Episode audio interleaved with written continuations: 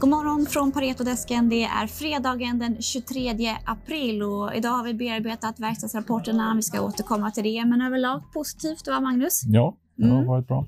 Så det ser vi fram emot att lyssna på. Vi börjar i USA där Wall Street igår inledde gårdagens handel kring nollan men eh, föll sedan tillbaka. Joe Biden gick ut med ett förslag om att höja kapitalskatten till 36, 39,6 eh, procent för det som tjänar över en miljon dollar enligt Bloomberg. Bloomberg. Eh, Det här fick börserna att eh, hicka till och eh, S&P för handel stängde på minus 0,9 procent. De flesta sektorer backade, men vi såg samtidigt att oljepriset återhämtade sig något. I Europa hade ECB räntemöte igår och Lagarde sa att utsikterna för inflation i euroområdet är oförändrade jämfört med mars. Och här i Sverige är det full fokus på rapporterna. Vi får rapporter från Essity, Telia, Saab, Stora Enso, Dometic, AK, Autoliv bland andra.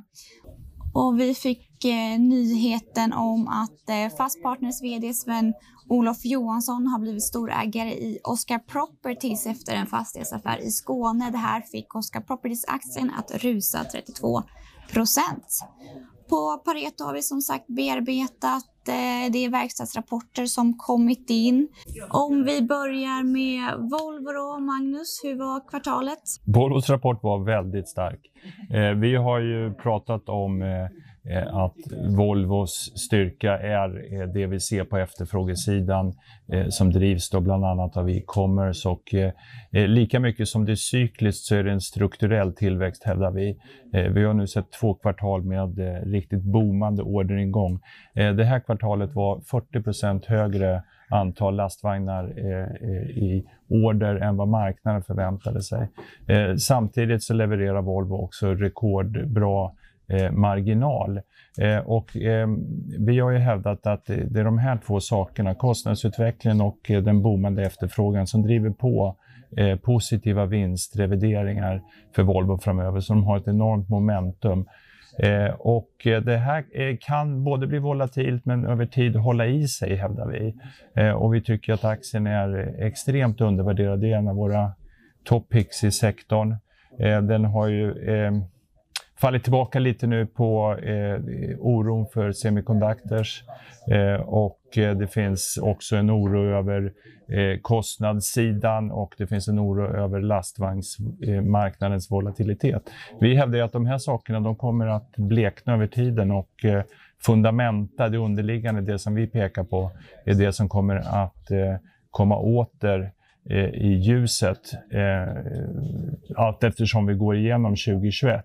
Eh, vi har ju då en, en köpkurs, eh, köprekommendation förlåt, fortfarande och en target på 300 kronor. Eh, enormt stor uppsida alltså i Volvo. Eh, eh, historiskt egentligen eh, eh, väldigt stor uppsida, lågt värderat. Eh, eh, så att vi får se här. Eh, saker och ting måste klarna vad det gäller semiconductors. Och vi måste se några kvartal till och sen tror vi att vi kommer att se betydligt högre kurs i Volvo. Mm. Tack så mycket Magnus. Tack.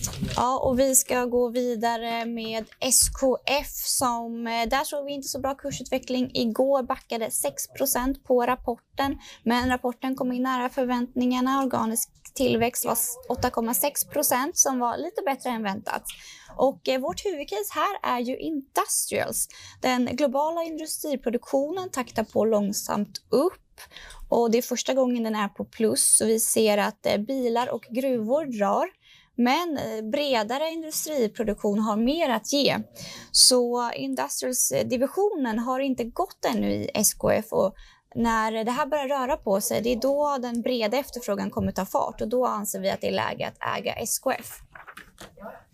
Om vi ser till marginalerna, vi brukar ju prata om att SKF är ett marginalcase och vi har ju blivit lite bortskämda med marginalförbättringar och eh, i den här kvartalen så kom eh, marginalerna i linje med eh, förväntansbilden. Men vi tycker fortfarande att det här är ett lågt värderat, en lågt värderad aktie, EV ebit 10 och Anders Roslund tycker att det är läge att äga SKF.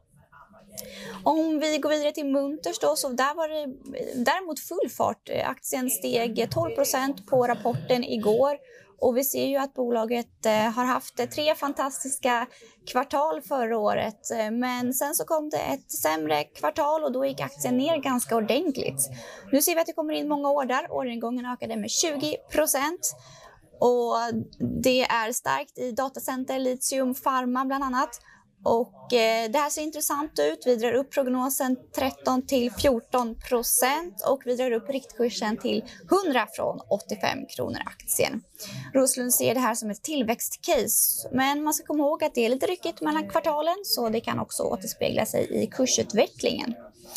En annan kursraket är eh, Vertislä och där har vi också en köprekommendation. Förra året, för, eh, förra året så var orderingången för fartyg väldigt låg. Det var den lägsta på 30 år. Nu de första tre månaderna ser vi att, eh, att, öka, att vi ser, ser vi en ökning av beställning av båtar.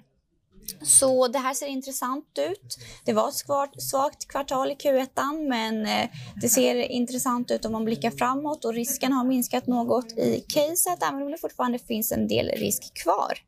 Vi upprepar köp och höjer riktkursen något.